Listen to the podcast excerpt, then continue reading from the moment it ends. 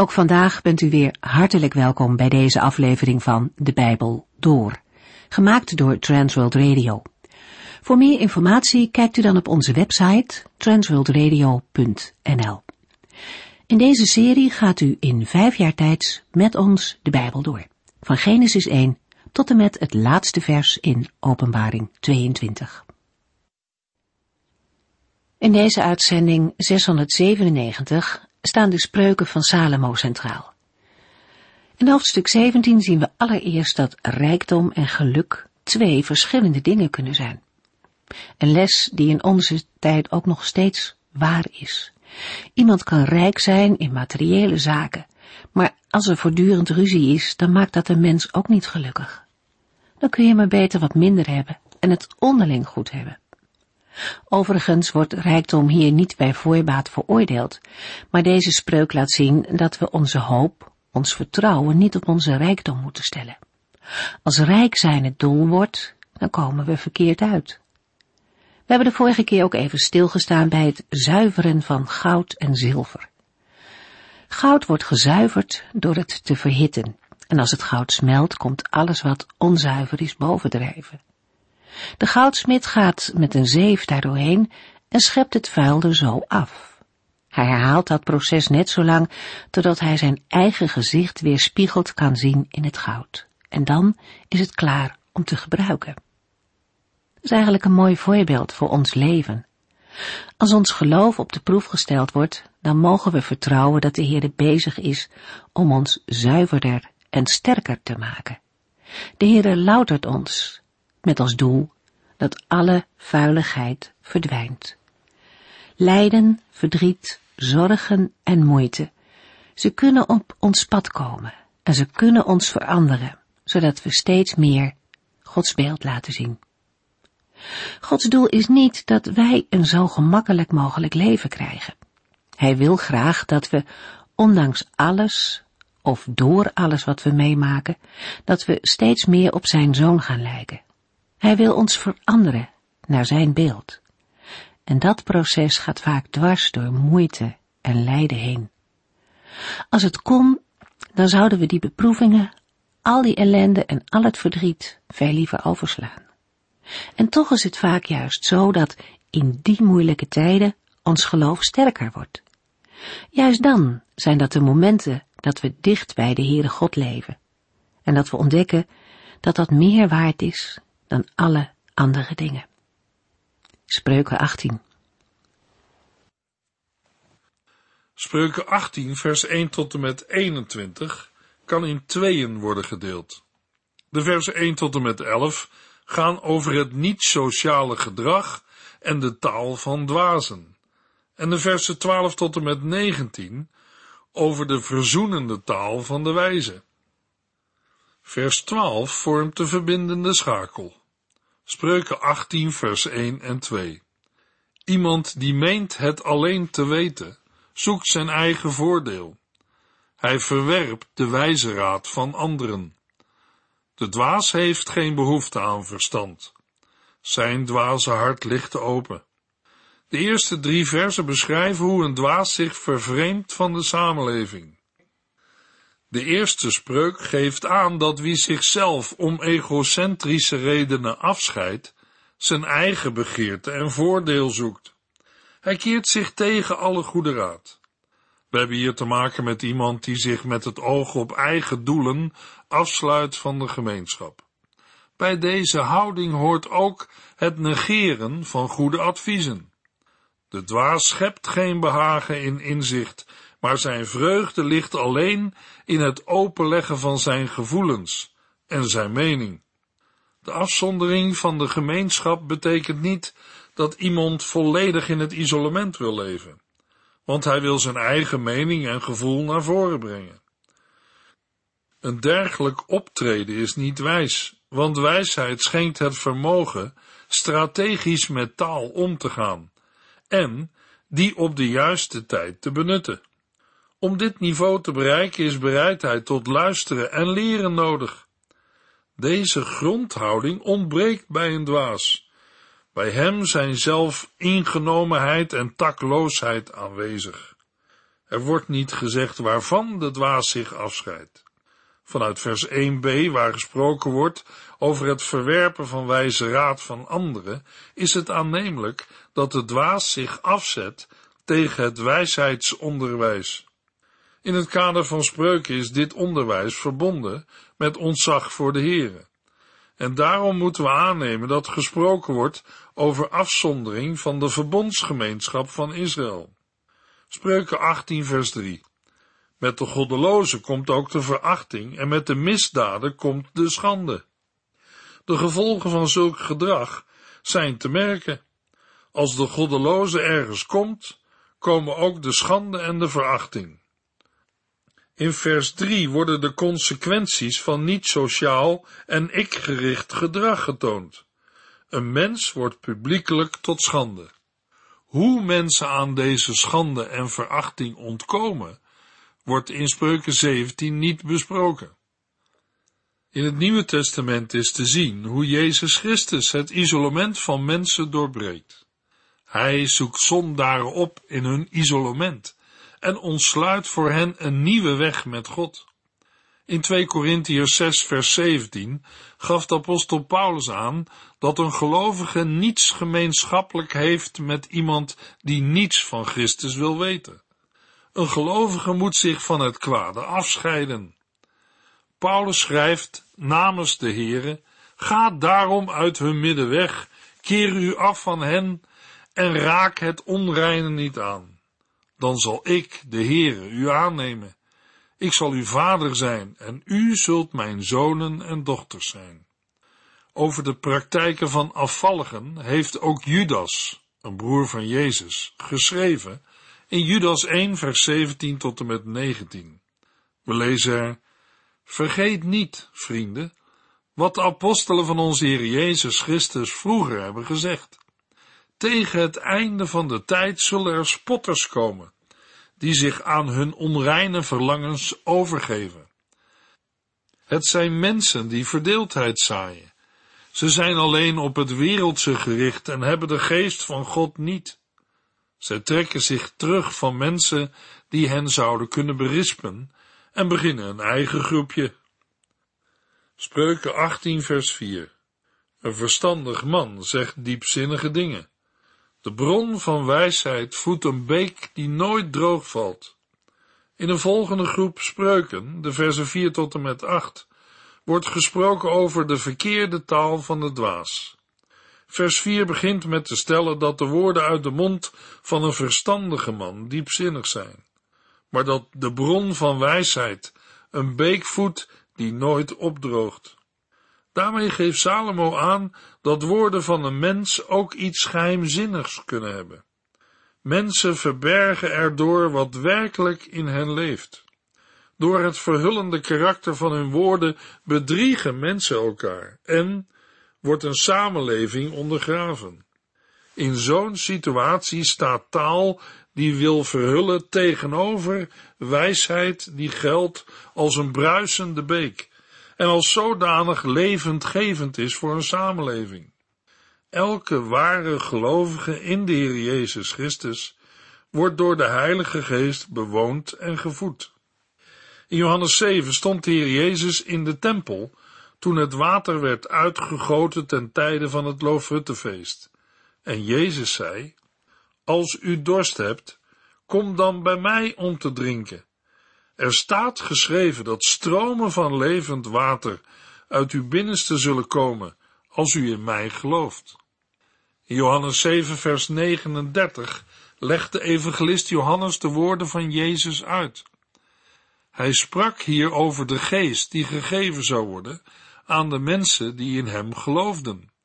Want de geest was nog niet gekomen, omdat Jezus nog niet naar zijn vader was teruggegaan. Een kind van God mag putten uit een bron die nooit droog valt. Wij moeten leren te spreken in de kracht van de Heilige Geest.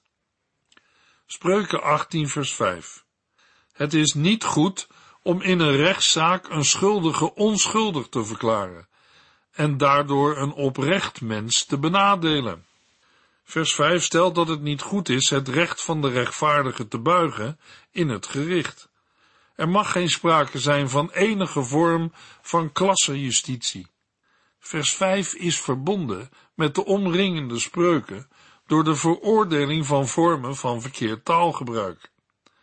In spreuken 18 vers 5 wordt dan vooral ingegaan op het spreken in rechtszaken.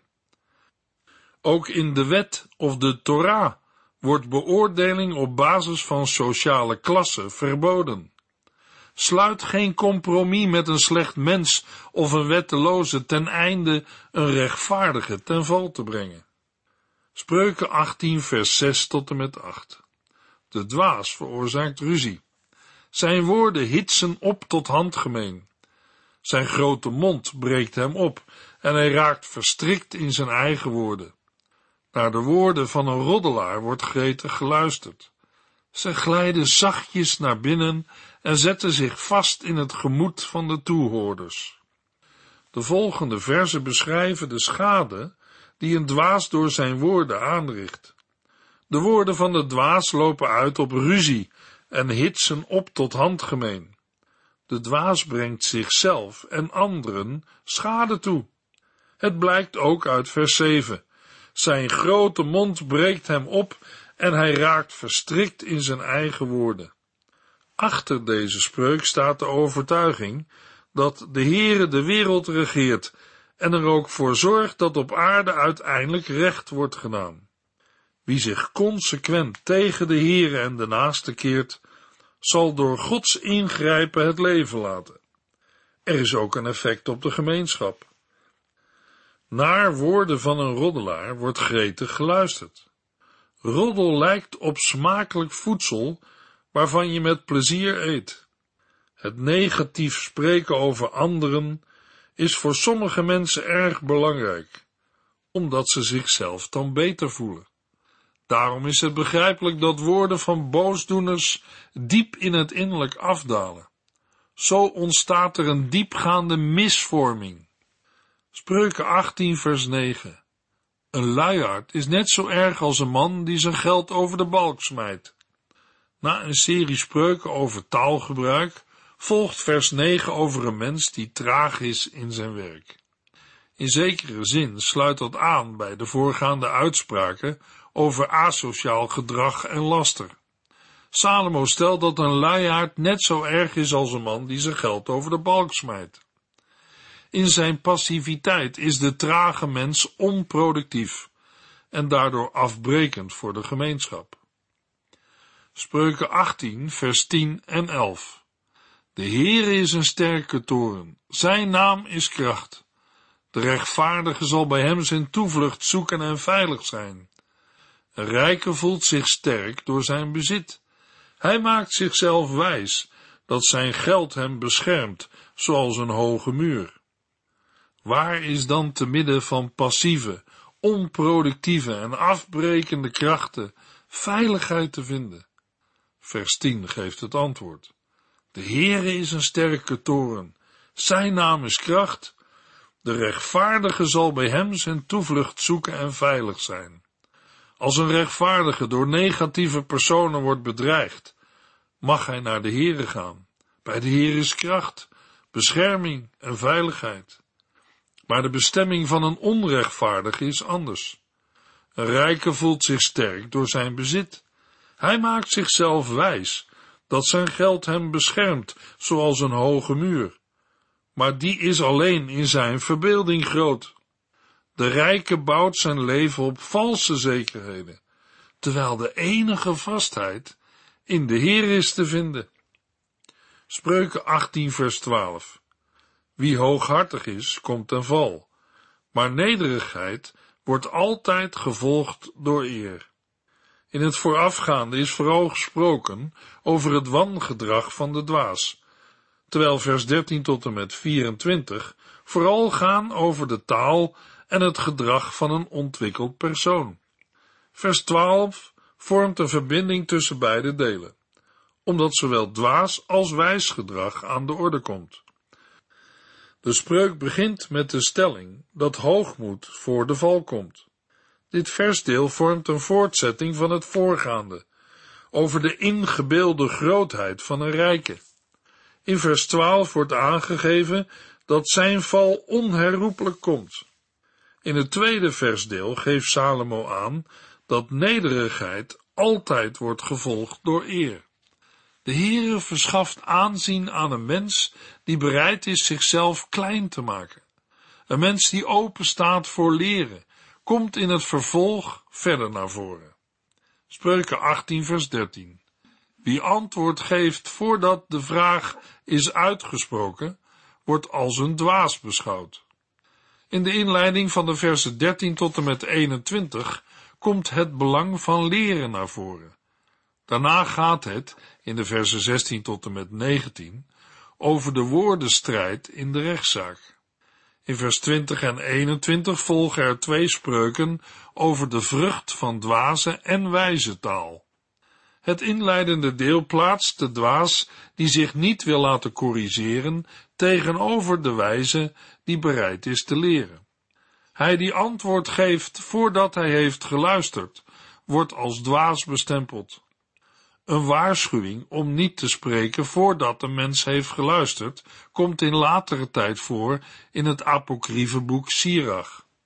In Sirach 11 vers 8 lezen we, antwoord niet voordat je hebt geluisterd.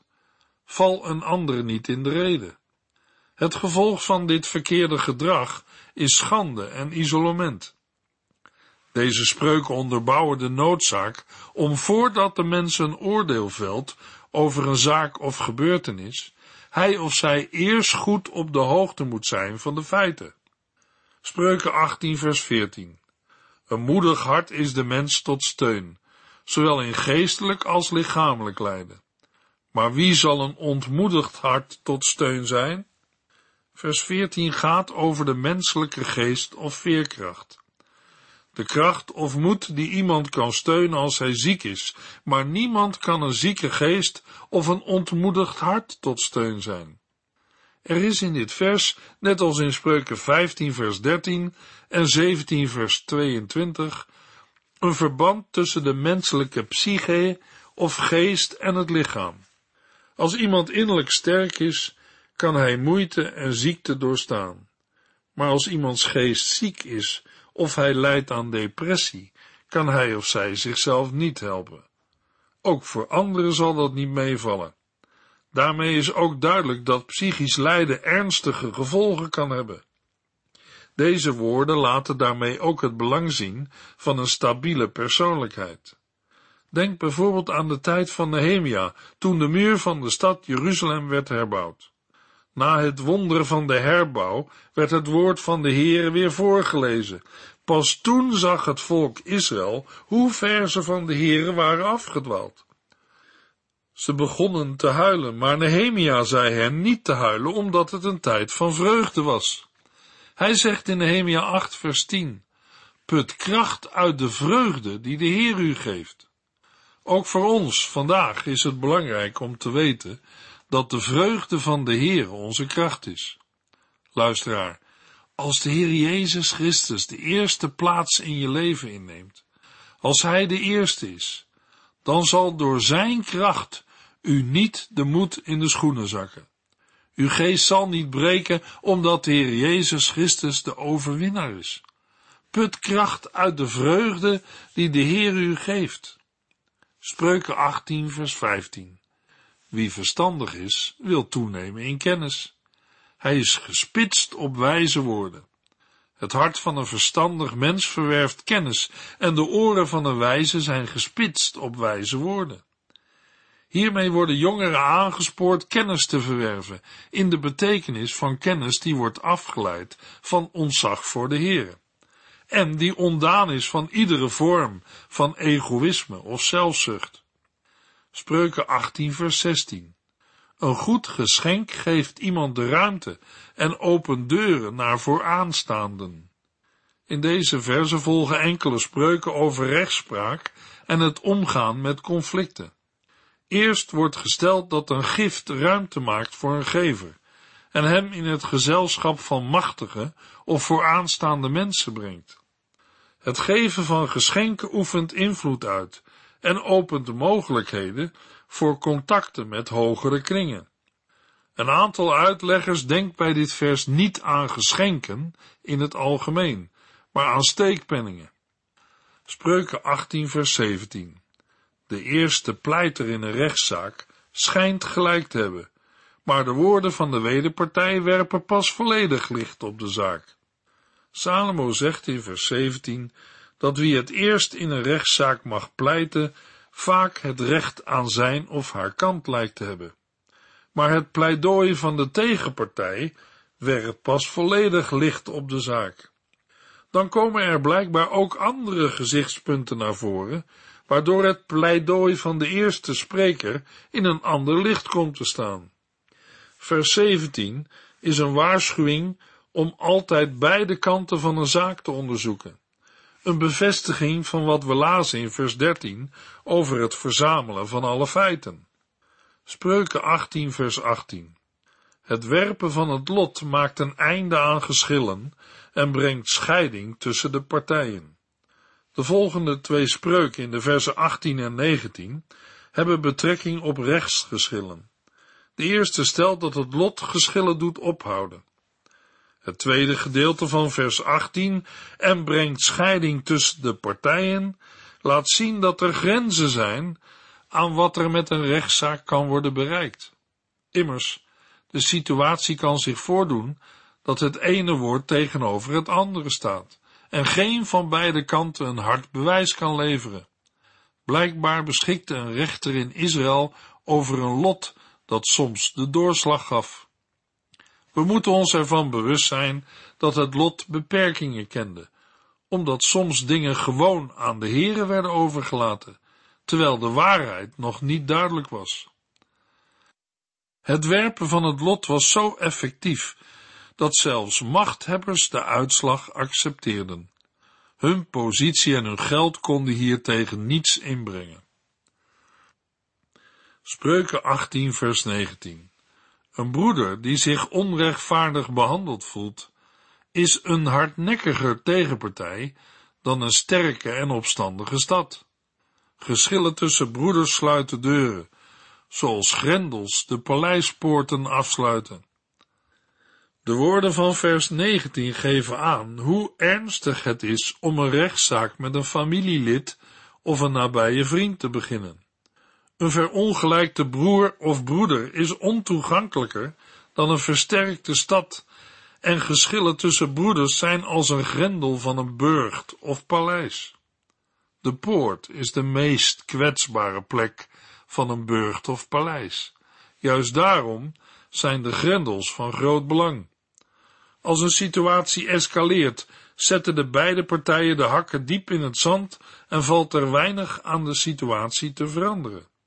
Daarom is het belangrijk dergelijke conflicten te voorkomen. Spreuken 18 vers 20 Iemands woorden vullen zijn hart. Met goede dingen als het goede woorden zijn, met kwade dingen als het kwade woorden zijn. Ter afsluiting van de groep spreuken in de versen 13 tot en met 21, volgt een aantal spreuken over de manier waarop mensen met elkaar spreken en welke effecten dit kan hebben. De eerste spreuk stelt dat iemands woorden zijn hart vullen. Afhankelijk of het goede of kwade woorden zijn, kan zijn hart gevuld worden met goede of kwade dingen. Een goed woord en een leerzame of heilzame les bemoedigen en vullen het hart van een mens. Het wil zeggen dat het woord van een wijs en verstandig mens zegen brengt voor anderen en voor hemzelf. De andere kant is dat kwade woorden een vloek kunnen zijn. Als het hart daar vol van is, heeft ook dat consequenties. Spreuken 18 vers 21 Op de tong liggen zowel dood als leven. Wie aan één van beide de voorkeur geeft, zal de vruchten daarvan plukken. Het eerste deel van vers 21 geeft aan dat wat iemand zegt verregaande consequenties kan hebben. Het kan dood of leven tot gevolg hebben. Het tweede gedeelte gaat een stap verder. Het is mogelijk dat de mens aan één van beide de voorkeur geeft. Houdt hij of zij van kwade of verkeerde woorden en gaan die woorden hem of haar vormen, dan zal hij of zij daarvan de vruchten plukken. in geval van de kwade woorden, de dood en de ondergang. Het is ook mogelijk dat iemand houdt van woorden die tot het leven leiden. Als dat zo is, zullen er goede vruchten zijn, leven en zegen. Het is goed om nog eens over de eerste woorden na te denken. Op de tong liggen zowel dood als leven. De woorden die over onze lippen komen kunnen zegenen en mensen het evangelie van Jezus Christus duidelijk maken. De Heer heeft beloofd dat als wij zijn woord doorgeven, het nooit leeg tot hem zal terugkeren. Onze woorden kunnen mensen ook van de Heere wegdrijven. De Bijbel laat zien dat dat de weg naar de dood is. De tong, onze woorden, kunnen zijn als brandende pijlen of als verzachtende olie op de wonden. In Jacobus 3, een hoofdstuk dat bijna helemaal over de tong gaat, lezen we een aantal dingen over de tong. Zo is ook de tong een vuur. Ze zet het hele leven in brand, met als gevolg verwoesting en ellende. Wie van u is wijs en verstandig? Dat kan alleen maar blijken uit iemands goede daden en liefdevolle wijsheid. In de slotversen van Spreuken 18 volgen een aantal versen over levensgeluk en huwelijksgeluk. Het zijn geschenken van de Heere. Het blijft ook alleen gaaf en mooi door Hem. Spreuken 18, vers 22 tot en met 24. Vindt u een goede vrouw, dan hebt u het goed getroffen. Beschouw haar als een geschenk van de Heere. De arme smeekt, maar de rijke spreekt harde woorden. Wie veel vrienden heeft, raakt geruïneerd, maar een echte vriend is meer waard dan een broer. Deze verzen bepalen ons bij de werkelijkheid dat niet alle vrienden echte vrienden zijn. Bij problemen, moeite of nood ontdekt de mens wie zijn of haar echte vrienden zijn. De grootste vriend die ik heb ontmoet is de Jezus zelf. Hij ging in mijn plaats aan het kruis. Hij is pas een echte vriend. Luisteraar, heeft u en jij al naar hem geluisterd? Hij zegt, kom tot mij. In de volgende uitzending lezen we Spreuken 19. U heeft geluisterd naar De Bijbel Door, in het Nederlands vertaald en bewerkt door Transworld Radio. Een programma waarin we in vijf jaar tijd de hele Bijbel doorgaan. Als u wilt reageren op deze uitzending of u heeft vragen, dan kunt u contact met ons opnemen. Tijdens kantooruren kunt u bellen op 0342 478432. 0342 478432. Ook kunt u een e-mail sturen naar de en natuurlijk kunt u ook via de post ons bereiken. TWR, postbus 371, postcode 3770, AJ in Barneveld. Dit programma werd gepresenteerd door Cor Weda en Ike André. Techniek was in handen van Odin van Voerkom. En wij allemaal bedanken u voor het luisteren. Graag tot de volgende keer.